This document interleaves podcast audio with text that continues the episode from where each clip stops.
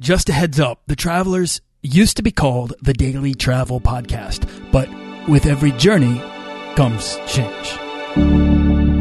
This podcast is produced by Holocene, a community of creative travelers. If you want to get serious about planning that next trip, writing that book, starting that creative project, or launching that business, we're breaking down the barriers between where you are where you want to be together at joinholocene.com. That's join, H O L O C E N E.com. Today, I'm talking to Jasper Ribbers about how to use Airbnb to find amazing places to stay. Do you want to travel further and more often to visit new places and meet new people and expand the role that travel plays in your life? I'm your guide, Nathaniel Boyle, an explorer that wants to help you get out, see the world, and find meaningful, life changing experiences. Everyone wants to be adventurous and have great stories, to do the stuff of legend. This is the Daily Travel Podcast. Now, before we dive in, if you want to get started earning frequent flyer miles or points to travel for as close to free as possible, then you can head on over to dailytravelpodcast.com and sign up for the weekly newsletter and get my book, The Beginner's Guide to Points and Miles, completely free.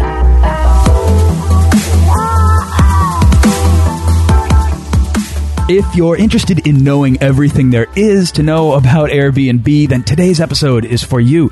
Uh, today's guest is the co-author of the book Get Paid for Your Pad, which is easily the most comprehensive resource I've seen on the subject of maximizing your profit from your Airbnb listing. Uh, he also runs the brand new podcast by the same name, Get Paid for Your Pad, which anyone interested in earning from Airbnb should check out. Uh, Jasper Ribbers has a place in Amsterdam that he rents out to fund his life of travel, and he does all of that through Airbnb. And as a result, he's able to go where he wants, when he wants, while automating the process of renting his place back home. Uh, I definitely want to explore the realities of his lifestyle while, uh, you know, in his business, uh, and how he's able to get it going while also getting into exactly what Airbnb is, how to use it, how to find better places to stay than just a chain hotel and why that matters. So Jasper Ribbers, thanks so much for coming on the show. Thanks for having me, man. I'm very excited about this.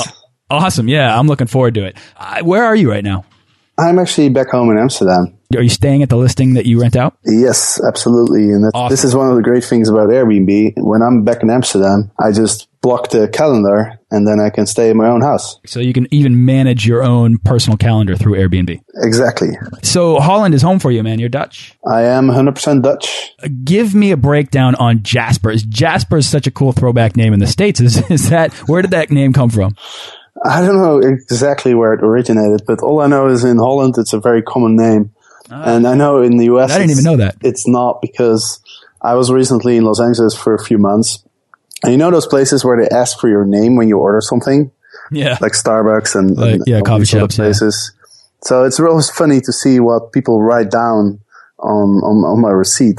You know, I've had so many different variations. I had Casper, I had Jasmar, I had Jaspar, Gaspar. Like, it's very rare that somebody actually spells it correctly. so funny. Ex- you're the only Jasper I know, that's for sure.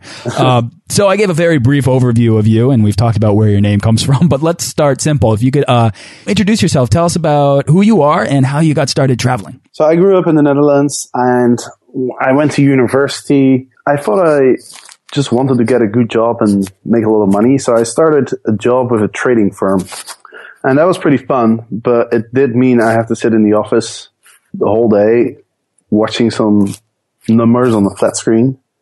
And um, I, I did this work for about five years in, back in Amsterdam. And then I had the opportunity to move to Chicago as we had uh, an office there as well. So I took the opportunity, moved to Chicago. And that's when I started realizing that sitting in an office just wasn't really what I was looking for in life in general. And the money was good, but I also started realizing that money is just money and it doesn't really give, give me the, it didn't give me the fulfillment or the, the sort of the happiness that I, that I thought I would get from it. So about four years ago, I decided to quit my job, sell everything I owned, and I decided to go travel. All right. So, had you traveled before your job, or was this trip to the United States and living in Chicago, where I would imagine as you're sitting there at your desk and you're doing your work, all of a sudden to find yourself in a foreign environment, uh, there's a much greater pull. There's a much greater call to go out and explore that, you know, that new place that you're in. Is that is that what compelled you to start traveling, or were you kind of a traveler before this opportunity? Well, I'd never really traveled for a long time, but I was kind of living from holiday to holiday. You know, as soon as I would get back from a holiday, I would the first thing I'd do the, when I get back to the office is book the next one. So that's when I realized that maybe traveling was the the thing for me to do because I enjoyed those trips so much. You know, I'm very curious about the world, and it just fascinates me to go to some random country on the other side of the planet and just see how people live there. And, and, you know, things are so different and it just gives you such a different perspective that you get from, from just being back home. So I knew that I was really excited about traveling. So the idea of, of just being able to go wherever I wanted and, you know, explore all these different countries just really appealed to me. Yeah, well, I mean, that's that call to adventure that I think a lot of people hear. Not everyone does, uh, and it, it kind of has to come from some place. And it sounds like to you, it started when you were you were just taking trips. It was just like you gave yourself the opportunity to go on a vacation, like anybody does. But was there a trip? Was there a trip in particular in which you said, "Whoa, this is a new experience. This is something different. This is outside of my comfort zone, and I kind of want to now go. I now want to step further outside and go somewhere else." Was there a trip that maybe kicked this whole thing off? I went to the Philippines one time and I went by myself because I had to kill some holidays at the end of the year because I wasn't able to sort of move them to the next year. And I couldn't really find anyone to come with me. So I just decided to go to the Philippines by myself. And that was just such an amazing experience because you meet so many people when you're by yourself, right? And I, I, I ended up making friends with a tricycle driver. You know, in the Philippines, you have these little like motorbikes with an extra seat attached to it. and They call them tricycles.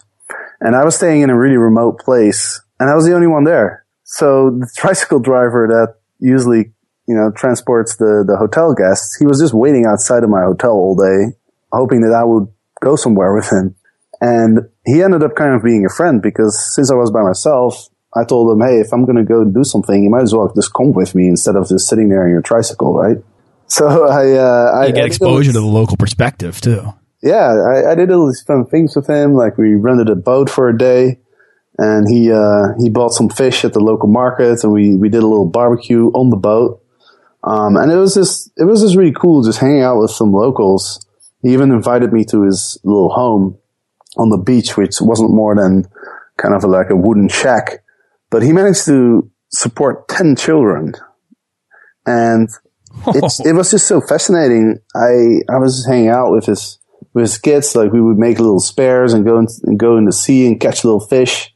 Uh, created like a makeshift barbecue on the beach, and some reason that that was a really like a breakthrough moment for me when I realized that I was I was just getting so much. I was so excited about just being being part of of of this person's life for you know just for a week and it kind of put things in perspective for me. And uh, it kind of shifted my priorities where I was thinking that, you know, mater- having material things like I was, I was driving a nice car and I had an awesome apartment in Chicago. And suddenly I just realized that that wasn't even that important to me. You know, having these experiences just seemed like so much more fulfilling. So that's really when I, when I realized that I, I wanted to explore more and I wanted to you know, understand different cultures. And it, it just, my curiosity for the world just, just, uh, went through the roof. Yeah. Well, it's that, it's as if you begin to learn something more about yourself. It's not necessarily finding yourself, but it is asking the questions inside in, internal the internal questions about your happiness or your fulfillment or whatnot that that become more apparent to you as you get out and you expose yourself to different perspectives to different um, uh, stations in life that may or may not be more or less desirable to you right and the ways that people go about doing this i mean to give yourself Jasper, this is this is the key, I think, really. To give yourself the permission to travel alone can be such a life changing decision. I mean, it really can. I mean, this this guy that you met redefined your perspective on the world. It really, I mean, it sounds as if, and I, I know what that experience is like because you're not the first person to bring this up on the show, but I've had the same experience where the better stories might be the ones in which you go and you climb Kilimanjaro or you jump out of an airplane and you have these like outrageous adventures. But the real life changing ones are the ones in which you interact with people in very simple ways and you help each other find find your way you know and you uh, it, to me you had that experience and it just sounds so cool. I mean i i want to be there. I want to have met this guy and to have cooked fish with him and to have you know understood how somebody in the philippines that's willing to wait outside all day with a tricycle can also bring up 10 children. I yeah you know, i've got incredible. I have two businesses and i can i can barely fathom raising one so I think that's fascinating. So I can see where something like that would happen and you just want more of that. And that's oh. also when I realized that traveling by yourself is, is really cool because I'm pretty sure if I was with someone else, then I wouldn't have had this experience because I would have just hung out with my friend.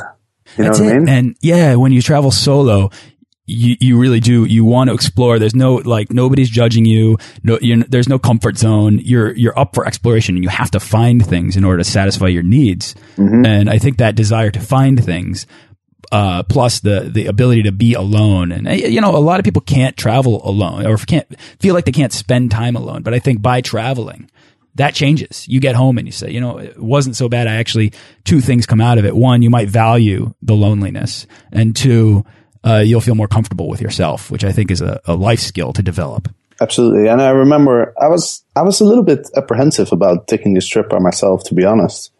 I was a little, little bit scared. I was just thinking, you know, am I just going to be lonely or am I going to meet people? You know, you just don't know what it's going to be like if you've never traveled by yourself.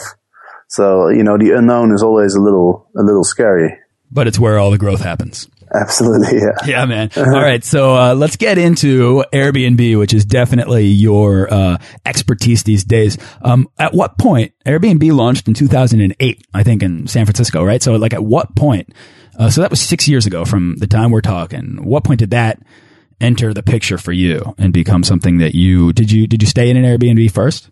Yeah, I uh, I heard about Airbnb through a friend, and I decided to try it because the idea of staying with a local person just really appealed to me, especially when you're traveling alone.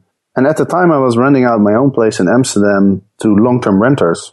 I, and I wasn't really happy with that situation to, to start because I felt like the return wasn't very good and I could never stay in my own place when I was back in Amsterdam. And the third thing is I was worried that at some point my renter would not want to leave and especially in Holland, the the laws are very much geared towards protecting the renter.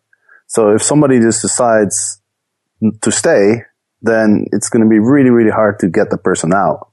I don't know if it's the same in the U.S., but, uh, but that's, the, been, that's the there have been stories about that. Yeah. And I, I, know that I've read about these sort of nightmare stories and we can cover that eventually as we get kind of into the world of, of renting your spot out and maybe how to protect yourself. Although uh, the laws are different everywhere. Yeah. But I've yeah. definitely heard about people that have kind of used uh, renters' rights to -huh. squat in the places that have been put up on Airbnb and yeah. That sounds like a whole mess of things that probably would scare a lot of people out of wanting to even get started putting your well, place up on. In my, from my perspective, I figured if I use Airbnb, then people are going to just be staying for a few days, you know, like maybe four or five nights. I think the average is like three and a half days or something. So I figured if I rent out on Airbnb, I'm pretty much guaranteed that people are going to leave. And also I'll, I'll be able to stay in my own spot when I'm back in Amsterdam and the revenue seemed much better than renting out on the long term. So those are really the main reasons why I wanted to try Airbnb. So let's take a step back and start very basic. Um, I want to I want to ask you just in your terms. I know what it is, but not everyone listening might, uh, and especially because I'd, I'd love for people that aren't familiar with Airbnb to learn about it from ground zero on this episode. Uh, if you could just describe Airbnb as it is, what it is, and what it offers. Well, in short, I see Airbnb as a platform that connects travelers with hosts. it's kind of like a peer-to-peer apartment rental website. So if you have a house, you can throw it on Airbnb and you can open it up to people who are visiting your city. And whether that is your, your whole house or just a room, even a bed or, or even a couch, uh, Airbnb actually started uh, as air bed and breakfast is what they used to call it. You know, it started by by, the, by this guy who who noticed that there was wasn't any hotels available in San Francisco, and there was a big conference going. So he just figured, hey, you know what? If I just put an airbed in my living room, maybe I can get somebody to pay me like thirty dollars for it, right? So that's kind of that's how it started. So it's uh it's it's really uh just a way to to monetize your house or part of your house and to meet travelers in at the same time, which which is really cool. Yeah, I like that you're coming at this from the perspective uh, from your perspective, which is having a place and renting it. You know, I think most people look at Airbnb as a a way to find a place to stay rather than a way to meet people that are passing through. But it's a cool perspective that the homeowner or that the rent the rentor has for uh, Airbnb as an as a sort of an opportunity to meet people and, and meet people from all over the world. But Jasper, how do you know that these people are trustworthy or won't come flea ridden and, and get bed bugs in your bed and destroy everything and then squat? Well, it's, funny you mentioned that because one thing that I always ask hosts that I interview for my podcast is I ask them if they had any concerns before starting rent, starting their uh, rental business. Yeah, and every single person has the same fear, and it's the fear that you're just describing. You know, you're letting some random person from the internet into your house. You have no guarantee that the person is not going to burn it down or going to damage your place or, or, or whatever. But the second question I always ask is, has that fear materialized? And every single person I've talked to has had 99% positive experiences. I even interviewed one person who told me that he regained his faith in humanity by by listing on Airbnb. this was a guy who had uh, some bad experiences in the past, and he was forced to rent out a room in his apartment because he couldn't pay his rent anymore, and he postponed it until the last moment because he really did not want to have people in his house. But at some point, it was the choice was either you know give up my his apartment or or get people uh, through Airbnb. And he he's met tons of cool people. He started hanging out with them, like going for dinners together, and meeting all these people. And um, overall, there's there's always exceptions, right? I think Airbnb has hosted 15 million people by now, so there's got to be some exceptions, right?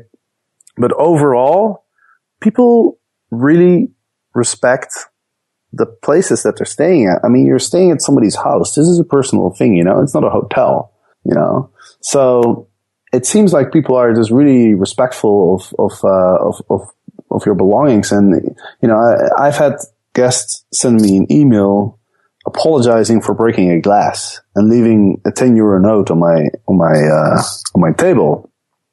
You know what I mean? It's, it's almost the opposite of what you would expect.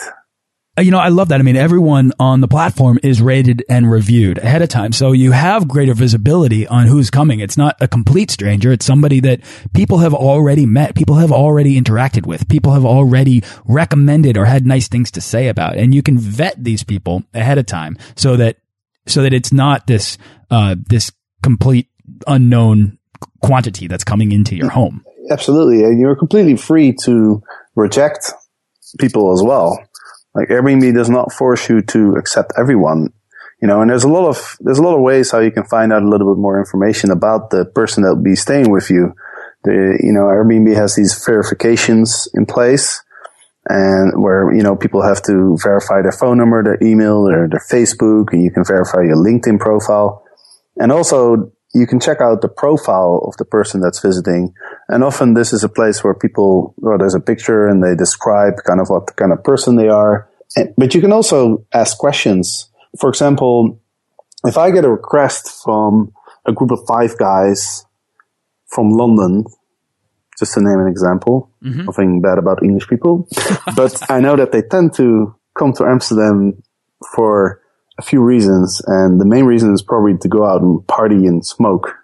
smoke weed, drink alcohol. Right. So, uh, you know, and I, I'm not really looking for a group of young guys who are going to just party and get wasted. So if I get a request like that, I, you know, I ask questions. I ask them like, Hey, what, what kind of, uh, what are you looking to do in Amsterdam? What's the composition of your group?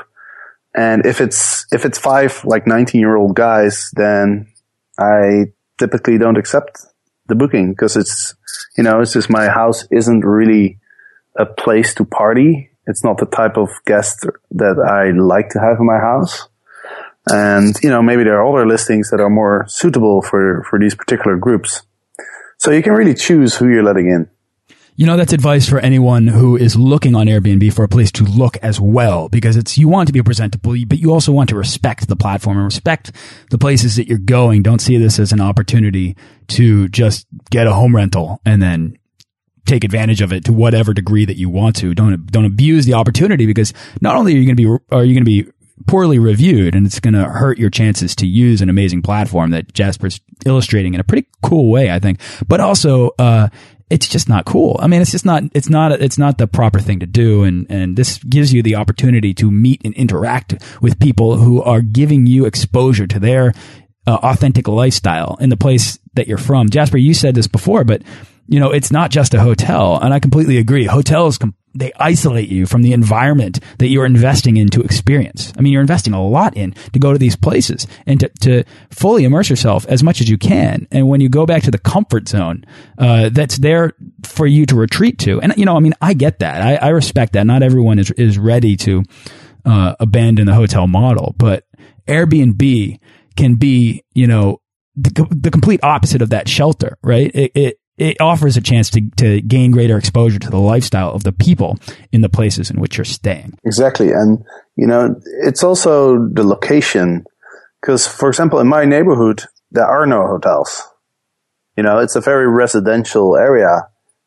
And the hotels are usually located in, in typical tourist areas where you, you're just going to have a very different experience. So that's another reason why people love to stay at my place and why I like to stay at Airbnb places as well, because you can really choose your, your, the neighborhood where you want to be. Yeah. All right. So let's talk about uh, from the, the the user's perspectives for someone that's looking for a place to stay. Uh, do you have any do you have any like general tips on getting started in finding the the right type of place for you to stay through Airbnb? Absolutely. Well, the first thing I you should do is figure out what neighborhood you want to stay. Especially if you if you're looking to stay in a in a big city, the the amount of listings can be quite extensive. For example, in Amsterdam, there's I think seven thousand listings. So if you just search for Amsterdam, you're you're kind of going to be a little bit lost. So I recommend do a little research and figure out what neighborhood you want to stay, and then when you do your search, just search for, for listings in that particular neighborhood. And then you can, there's tons of other filters that you can use. I recommend setting a price range so that you, you're just going to see the listings that are, you know, within your budget. And then one really important thing is to not just send a message to one host or to your preferred listing, but send a message to multiple listings. And it's really easy to do that because Airbnb saves your message as a template. So it's, it's really easy to just send 10, 15, 20 messages. And the other thing that's really important is you want to ask yourself what is important to you because you want to make sure you verify with the host that, that whatever that thing that is important to you is actually there. To give you an example, for me, fast Wi-Fi is very important because everything I do is online. So when I send out in inquiries to hosts, I always let them know that I'm running a business on my laptop. So I really, really need fast Wi-Fi, you know, and it's not just for checking Facebook. So that's, that's really important because then the host knows that if his, if his Wi-Fi is not fast, then, you know, I'm not going to be happy staying at, at, at, this person's place. And that's probably going to re- lead to a bad review. So think about what's important to you and make sure you ask and verify with the host that that that place is giving you what you what you're looking for. Love that. So that's that's great because I'm in exactly that same situation right now. So I'm going, for example, to Mexico this week, and I have to go to a conference in Cancun. Uh, have to go to Cancun. Oh, so, don't get me wrong. Don't get me wrong. Cancun, beautiful beaches, uh, um, uh, a lot to offer. At the same time, it's a resort town, which is not exactly my desired experience, especially since Jasper, I've never been to Mexico. I want to go and attempt to find some degree of uh, real Mexican Mexican life on the Yucatan Peninsula, which is kind of hard to do because it's a, a more modern construct of Mexican culture, I believe. But that said, Airbnb is opening up the opportunity because rather than staying at a resort or at a home a home in in Cancun, I can actually go to a village outside of Cancun that does not have as many hotels and I can stay in someone's casita there because they've been able to put it up on Airbnb. And it's giving me greater visibility of uh, Mexican life in a small, sleepy, sort of undiscovered village uh, called Puerto Morelos. So I'm going to go do do that instead. And exactly like you said, I need to run a daily podcast about travel. I need to uh, work on my creative web consultancy, which is what I also do for money. And these things rely on strong Wi-Fi. So that's a great tip. I mean, I'm going to go and reach out now to multiple people and just verify this is what I need. I mean, that's the first thing I'm going to do when I get off this call because it's a great idea. It's very simple. Um, yeah, all right. So I, I, learned the hard way because I stayed in a place one time where the host in his description it said the Wi-Fi was fast, but it turned out it wasn't. So I, I wasn't able to do anything for a week. If you want to know another really good tip for, you know, staying at your, uh, your little place in, in, uh, in, in Mexico, one of the reasons why you want to reach out to multiple people is because it gives you a much more powerful negotiation position. Cause you, you know, the, the host will quote a price on Airbnb, but that's just a standard price. You know, nobody's saying that you have to pay that. You can negotiate with your host. But to be able to negotiate, you got to have multiple options.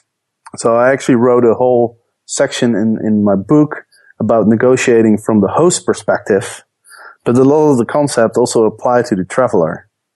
So before you negotiate, make sure you check out what, what the position of your host is. If you look at his calendar, and this is something that you can see, you can see how many days are booked in the host's calendar. So if that person, if you're filling up a gap of three days, let's say the person is fully booked, except for those three days, then you know that the host is going to be very happy with your booking because it's hard to fill up those gaps right? So that, for example, will give you an excellent position to negotiate. Also, if the calendar is completely empty, then your host is also going to be very eager to accept the booking because it's better to have somebody pay something than not have anybody. So it's, uh, I definitely recommend to everyone. And I'm always very surprised that my guests hardly ever negotiate. But honestly, you can often get the price down by 20, 30%.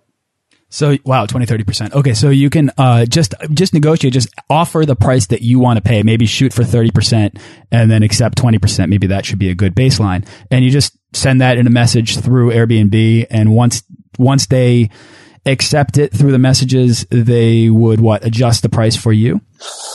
What will happen is once you come to an agreement through the messaging system, the host will send you a special offer. There's a there's a function uh, in the Airbnb uh, system where a host can offer a special price.